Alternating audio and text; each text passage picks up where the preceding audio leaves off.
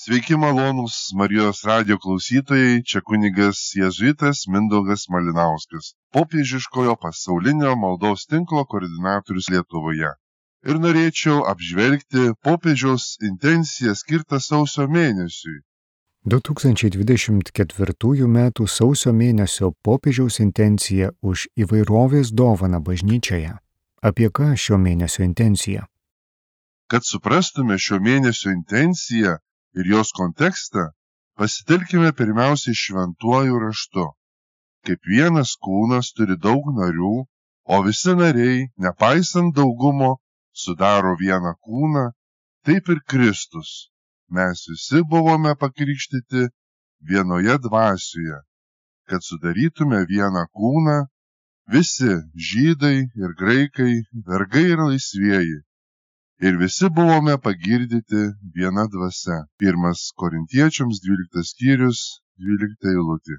Galima suprasti, kad bažnyčioje Kristaus kūne ir visi, kiekvienas, kokie jie bebūtų skirtingi ir panašus, yra pašaukti į vieną ir bendrą vienybę, kaip nariai, su savo unikaliomis funkcijomis, dovanomis, pašaukimu dvasios apraiškomis juose skirtomis tai pačiai vienybei. Galima galvoti apie labai paprastas ir kasdienės dovanas, tiek ir apie didelės dovanas pasaulinės bažnyčios mastu.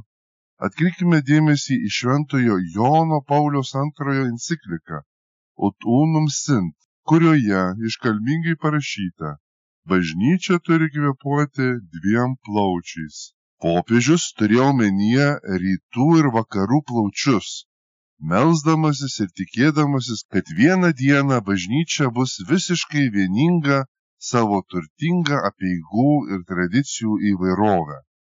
Daugeliu atžvilgių šis procesas jau prasidėjo nes pastaraisiais amžiais bažnyčia stengiasi atitaisyti susiskaldymo praeityje padarytą žalą užgydydama pasidalijimą tarp rytų ir vakarų. Daugelis katalikų nesuvokia, kad bažnyčia yra labai didelė ir įvairi, apimanti 23 skirtingas ir unikalias bažnyčias. Pavyzdžiui, Bizantijos, Maronitų, Koptų apieigų bažnyčias ir kitokias.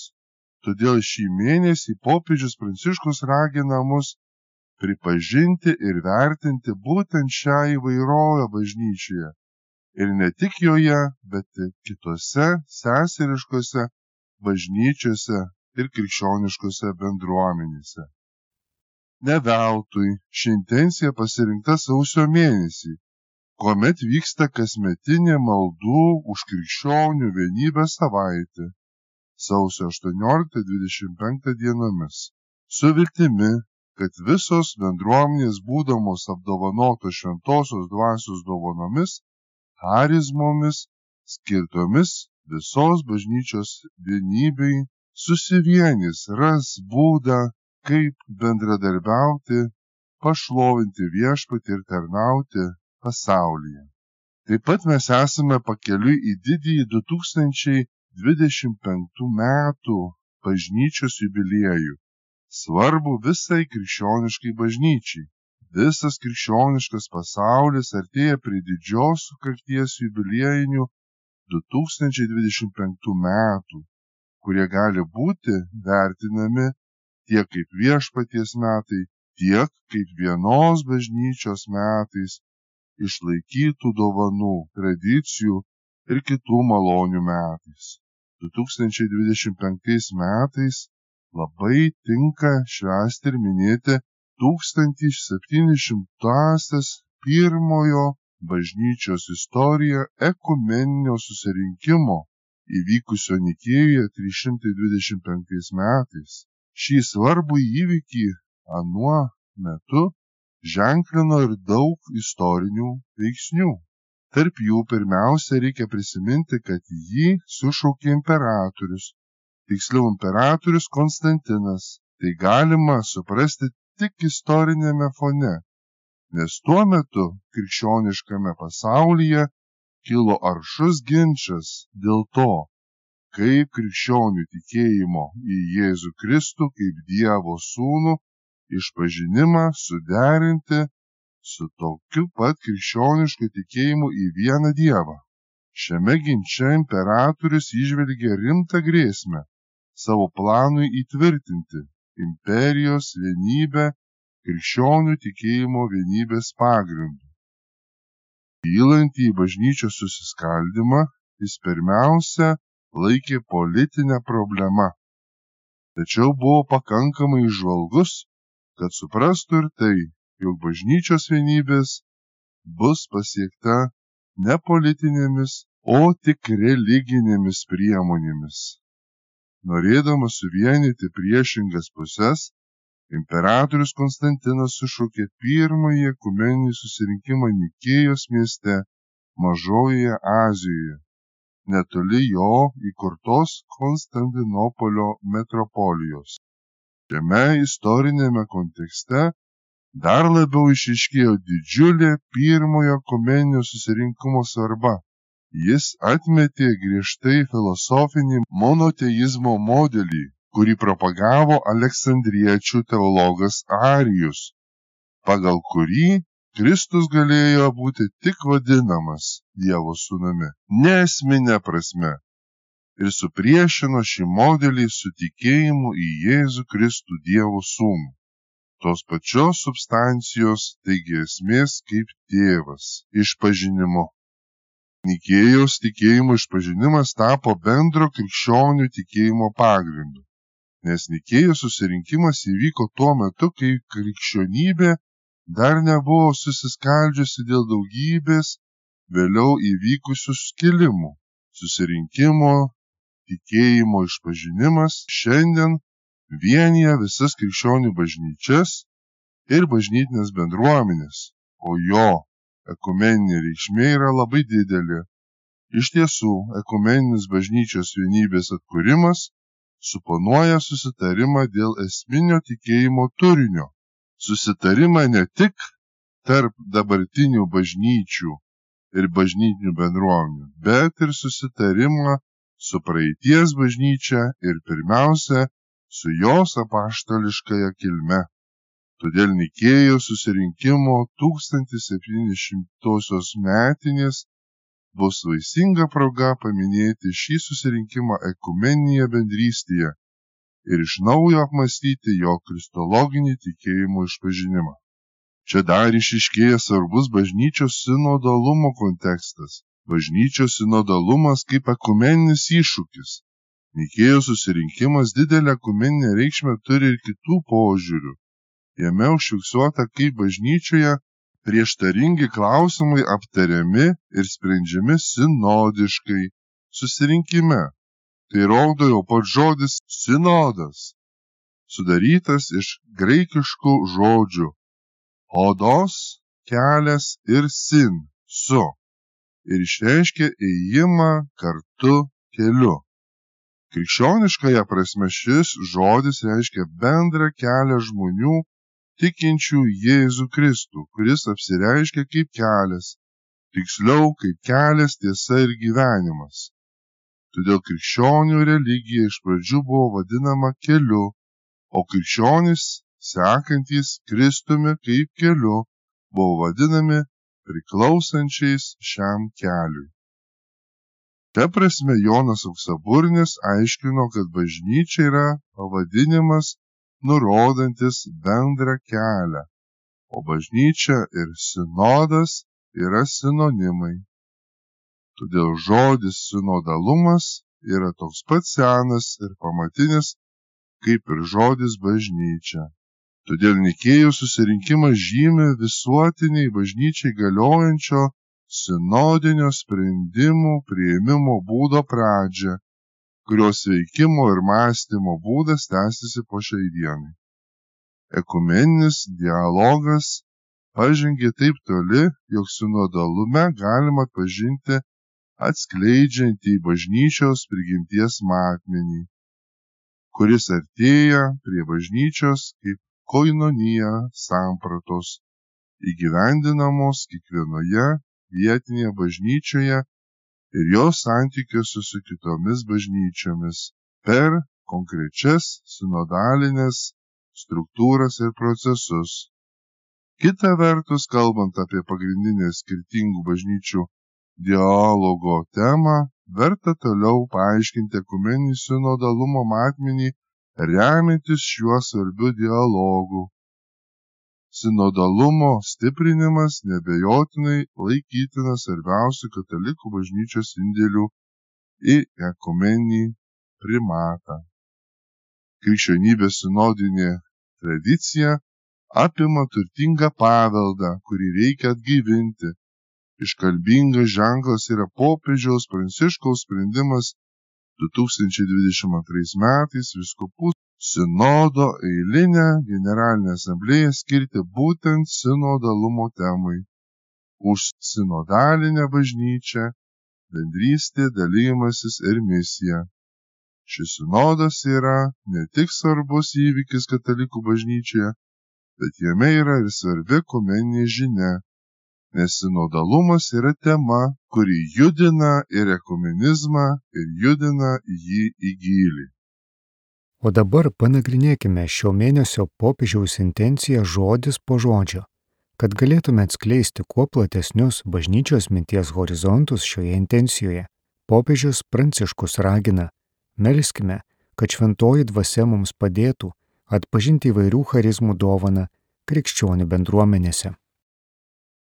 Pirmiausiai popiežius kviečia bažnyčią melstis, norint suprasti, įvertinti ir priimti dvasinės dovanas, charizmas krikščionių bendruomenėse. Maldos dėka būtina siekti šventosios dvasios įsikišimo, vadovavimo ir išminties, atpažinti, kokias nuostabes dovanas bažnyčia turi, kuriomis pasitelkusios gali praktiškai efektyviai vaisingai gyventi tikėjimo gyvenimą todėl malda ir maldos laikysena dievo atžvilgiu yra svarbiausia krikščionio laikysena atsiverti dievo veikimui per charizmas bažnyčioje. Popiežius skatina šią intenciją pripažinti charizmas. Terminas charizmos reiškia dvasines dovanas ar malones šventosios dvasios suteiktas asmenims bažnyčios labui. Popiežius Pranciškus pabrėžia dovanų įvairovę krikščionių bendruomenėse, pripažindamas, kad kiekvienas narys unikaliai prisideda prie bendro dvasinio gyvenimo. Popiežius, ragindamas pripažinti skirtingas charizmas, trokšta vienybės krikščionių bendruomenėse užuot įvairovę vertinęs kaip priežastį užsidaryti ar susireikšminti ar net nedaug dieve kaip susiskaldymo šaltinį popiežius pranciškus ragina tikinčiuosius į ją žvelgti kaip į turtingumą kuris prisideda prie bendros bažnyčios gerovės. Čia svarbus šventosios dvasios vaidmuo popiežius pranciškus kreipdamas į šventąją dvasią pripažįsta dieviškai dvasinių dovanų šaltinį. Tai pabrėžia krikščionių tikėjime aktyvų šventosios dvasios vaidmenį, vadovaujantį tikintiesiems, suteikiant jiems galių ir parengiant juos jų vaidmenims bažnyčioje. O ir turint reikiamas ir galingas dvasios dovanas, dėl žmogiško ribotumo ir visokiausių įtakų ir priešiškų poveikių reikalingas nuolankumas prieš Dievą ir jo skirtas išvalgumas, pranokstantis žmogiškąją išmintį, kad tomis dovanomis gerai pasinaudotų bažnyčia. Ta pati veikianti šventoji dvasia reikalinga atpažįstant dovanas ir jomis pasinaudojant popiežius pranciškus pabrėždamas krikščioniškas bendruomenes kreipėsi ne tik į pavienius tikinčiuosius bet ir į bendruomeninį tikinčiųjų kūną pabrėždamas kad charizmų atpažinimas ir naudojimas prisideda prie visos krikščionių bendruomenės sveikatos ir gyvybingumo. tuo labiau akcentuojamas bendruomeniškumas apima ir ekumeninį atspalvį, nors aiškiai neminima kokia konkreti konfesija šalia bažnyčios bendruomenių. Popiežiaus intencija rodo bendrą rūpestį dėl dvasinio išvalgumo ir vienybės, kuris peržengia Romos katalikų bažnyčios ribas kvietimas melstis šią intenciją taip pat kviečia pritaikyti charizmų naudojimą ir praktiškai savo bendruomenėje ir aplinkoje. Dvasinių dovanų atpažinimas ir įvertinimas turėtų paskatinti sąmoningesnį ir veiksmingesnį šių dovanų naudojimą bažnyčios tarnystei ir ūkdymui.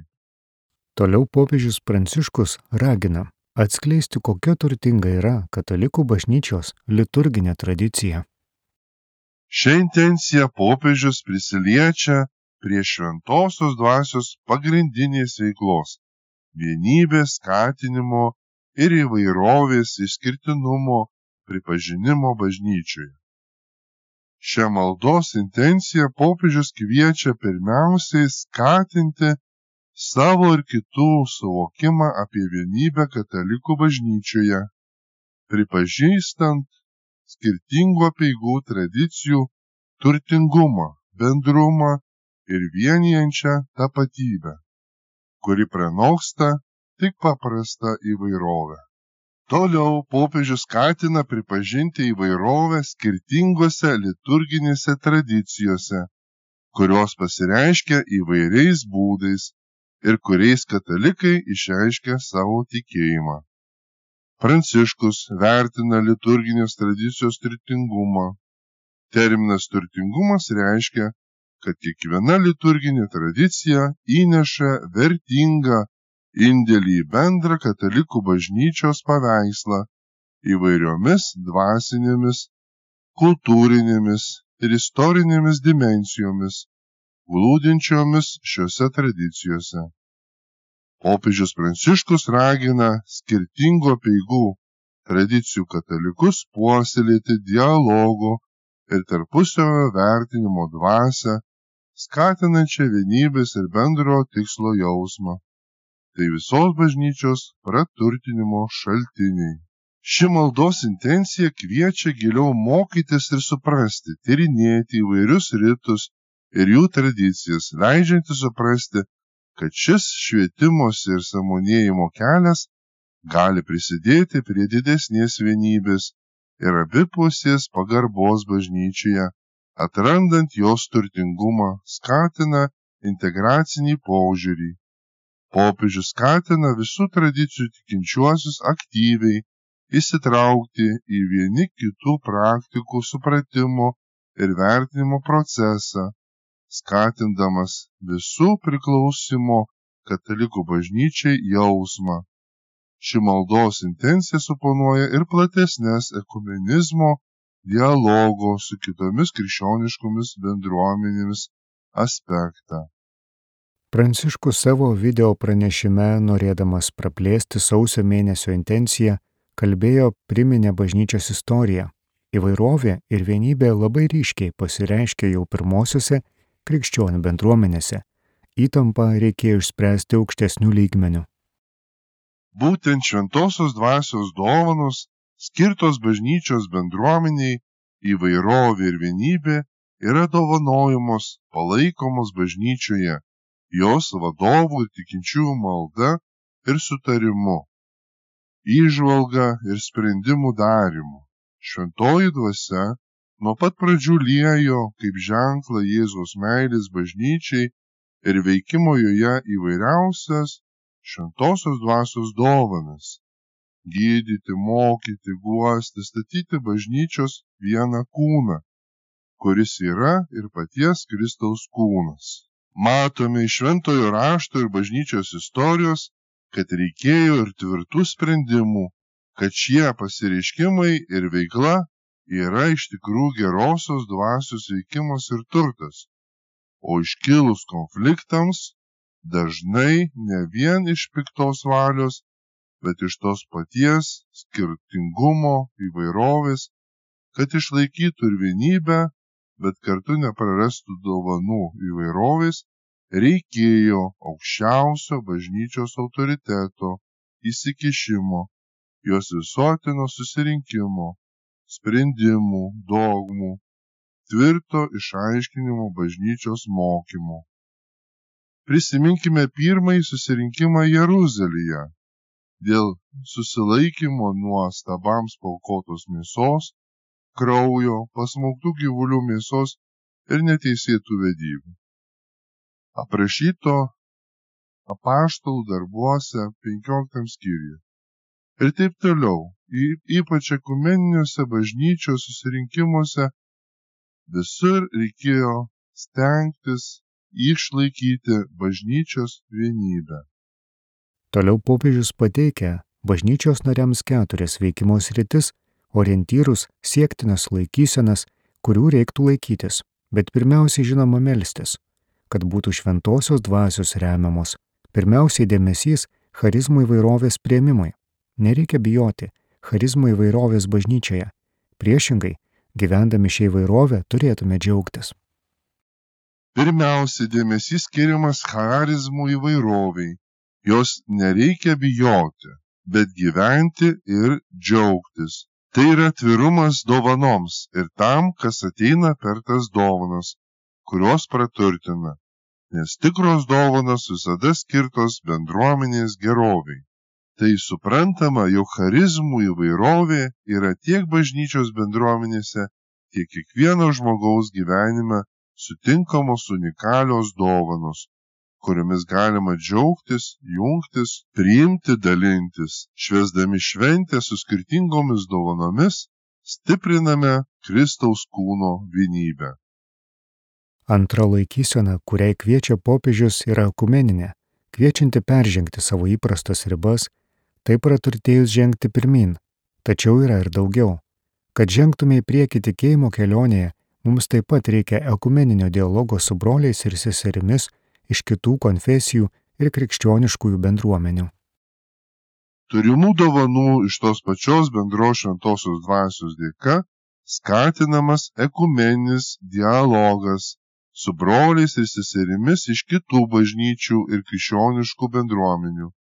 Popiežius Pranciškus pabrėžia ekumeninio dialogo svarbą ragindamas mus tiesti tiltus su broliais ir seserimis iš kitų bažnyčių, atsargiai pavadintų kitų konfesijų ir krikščioniškųjų bendruomenių, kad neįsivelti į nereikalingus diskusijas, kas kuo laiko pačią bažnyčią.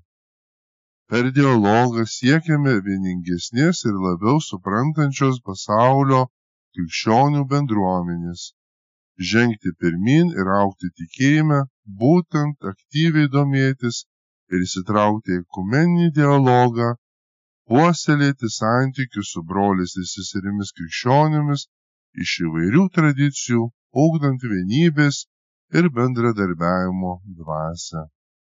Trečia laikysena, į kurią kviečia popiežius dovanų atžvilgių, priimti jas kaip dovana. Tai nėra kažkas klaidinančio ir trikdančio, bet dovana, kurią Dievas suteikia krikščionių bendruomeniai, kad jie auktų kaip vienas kūnas - Kristaus kūnas.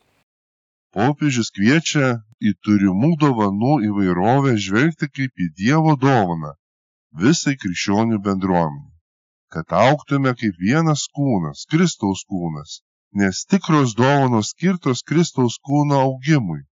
Kiekvienas unikalus indėlis atspindintis Dievo kūrybiškumą, norą, viziją dėl visos bažnyčios ir žmonijos ir tarnauja tam, kad suvienytų mus kaip vieną kūną, Kristaus kūną. Todėl įvairovė yra ne iššūkis, bet brangi Dievo dovana.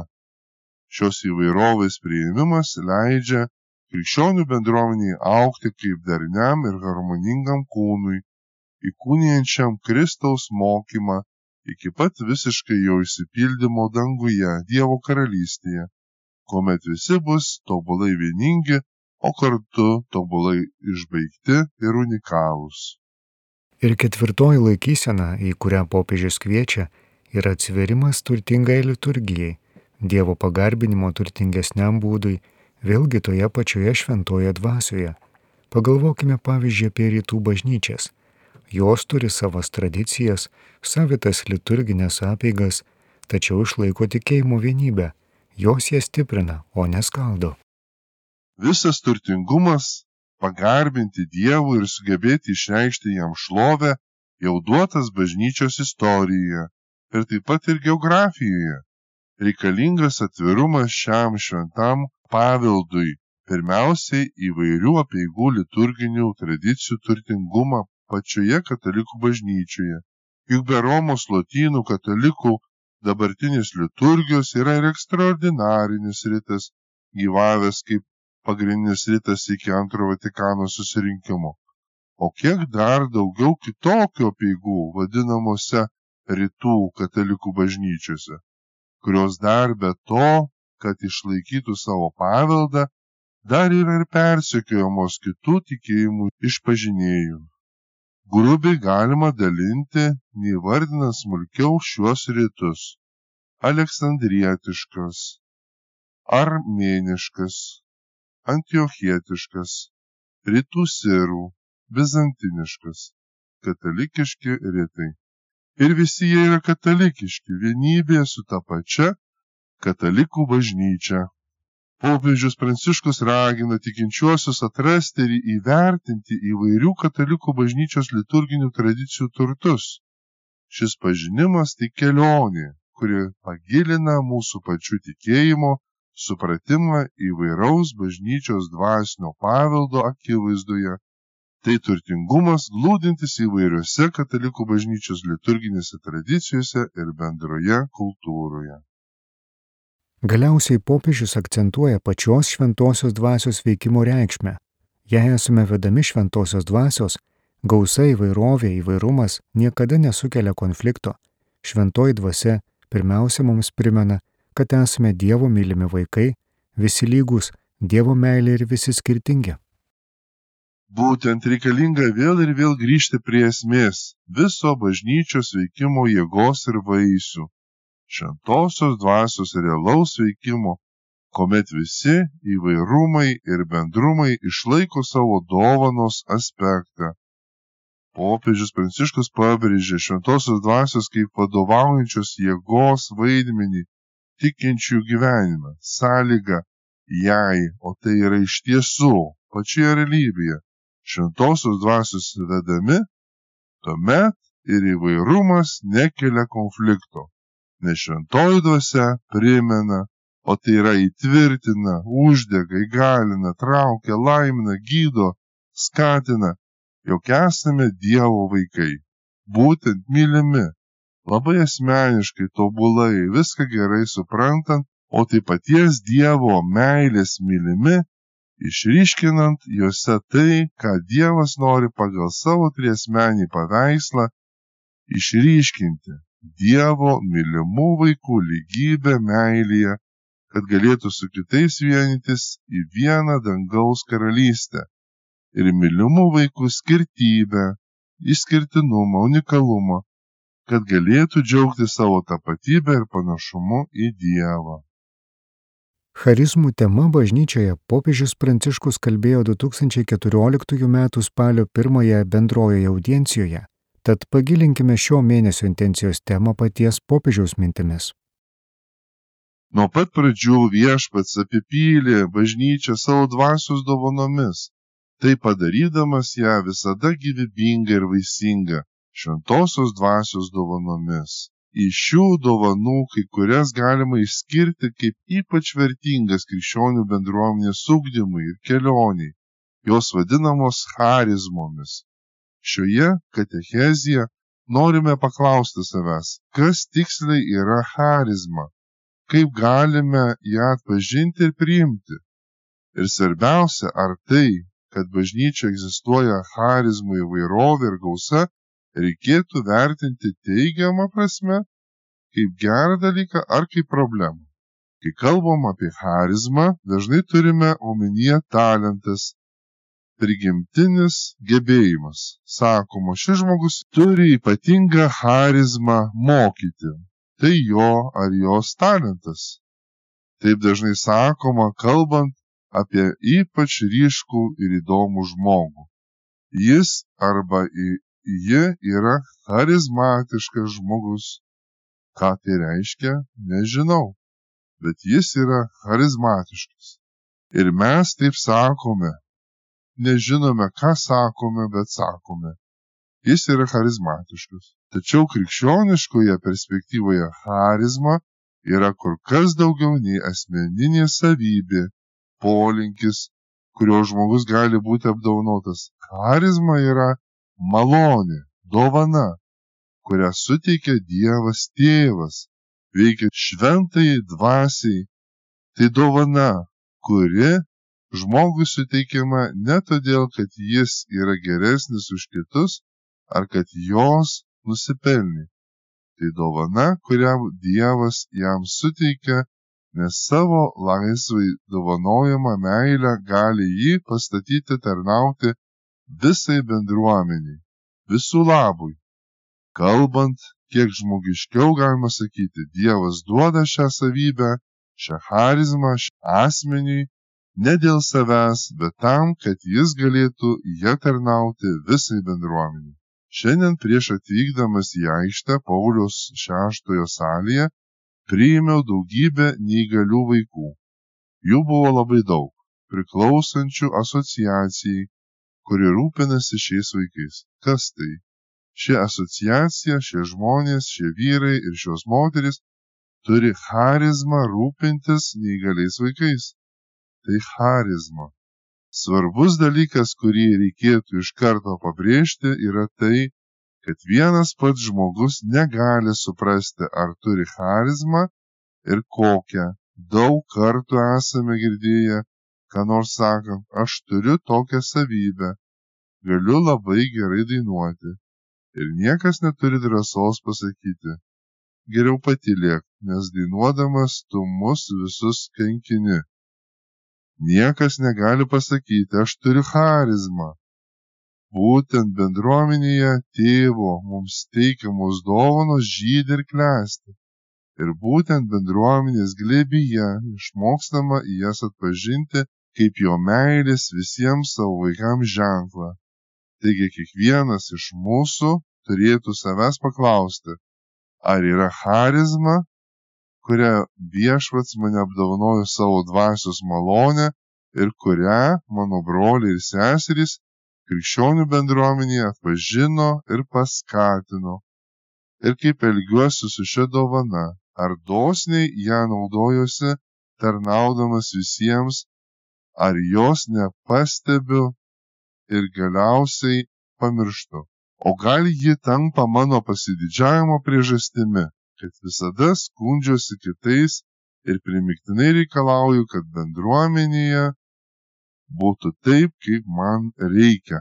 Tai klausimai, kuriuos turime savo užduoti, ar manyje yra charizma, ar šią charizmą pripažįsta bažnyčia, ar esu laimingas turėdamas šią charizmą, ar šiek tiek pavydžiu kitų charizmų, ar norėjau, ar noriu turėti šią charizmą, charizma yra dovana. Ją suteikia tik dievas. Tačiau pati gražiausia patirtis yra atrasti visas skirtingas charizmas ir visas savo dvasios dovanas kurias tėvas apipila savo bažnyčią to nevalia laikyti priežastimi sumaišiai diskomfortui. Visos jos yra dovanos kurias dievas suteikia krikščionių bendruomeniai kad ji harmoningai augtų tikėjime ir jo meilėje kaip vienas kūnas - Kristaus kūnas. Bažnyčia vienyje ta pati dvasia, kuri dovanoja šią charizmų įvairovę. Tai visada ta pati dvasia. Todėl šios charizmų įvairovės akivaizdoje mūsų širdis turi atsiverti džiaugsmui ir mes turime galvoti, koks gražus dalykas kiek daug skirtingų dovanų, nes visi esame Dievo vaikai. Visi mylime nepakartojimu būdu. Niekada šios dovanos neturi tapti pavydo susiskaldimo priežastimi. Kaip apaštas Paulius primena pirmojo laiško korintiečiams 12 skyriuje. Visos charizmos yra svarbios Dievo kise, kartu nei viena nėra nepakeičiama. Tai reiškia, kad krikščionių bendruomenėje mums reikia vieniems kitų ir kiekviena gauta dovana visiškai įgyvendinama, kai ją dalyjamasi su broliais ir seserimis visų labui. Tai yra bažnyčia.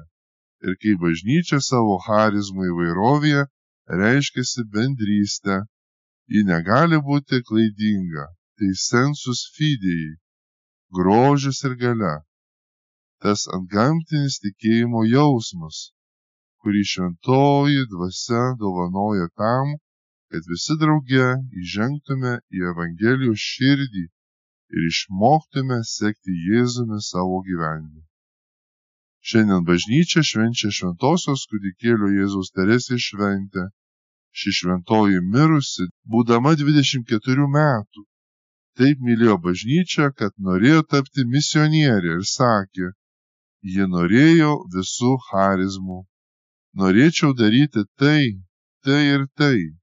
Ji meldėsi ir jautė, kad jos charizma yra meilė. Ir ji pasakė šią gražią frazę. Bažnyčio širdyje aš būsiu meilė. Ir mes visi turime šią charizmą, gebėjimą mylėti. Šiandien prašykime šventosios kūdikėlį Jėzaus Teresės šio gebėjimo taip mylėti bažnyčią, taip ją mylėti ir apimti visas šias charizmas su šia meilė bažnyčios vaikams, mūsų šventosios hierarchinės motinos bažnyčios vaikams. Čia buvo kunigas jėzuitas Mindaugas Malinauskas popiežiškojo pasaulinio maldos tinklo koordinatorius Lietuvoje ir aš aptariau popiežiaus intenciją sausio mėnesiui už įvairovės dovaną bažnyčioje. Su Dievu.